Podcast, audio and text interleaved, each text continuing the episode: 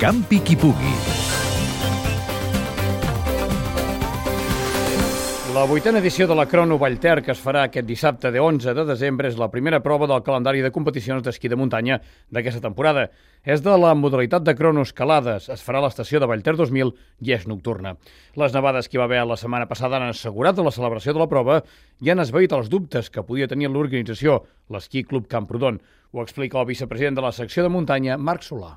És una cronoescalada que és una mica curta, fan 500 metres de desnivell, i sempre mirem de ser... Bueno, la posem a la primera competició, així la gent, com que és la primera, tothom s'anima, i de fet aquest any eh, les condicions de neu són òptimes i es celebrarà el dia 11 en perfectes condicions. Això és el risc que correm que al posar-la tan aviat a l'11 de desembre, doncs a vegades ens trobem que no hi ha neu. Sí. Com que és la primera prova de la temporada, pràcticament tots els integrants de la selecció catalana d'esquí de muntanya hi participaran. Agustí Roc, Marc Pinsac, Toti Bès, el mateix Marc Solà, Tina Bès, Anna Comet...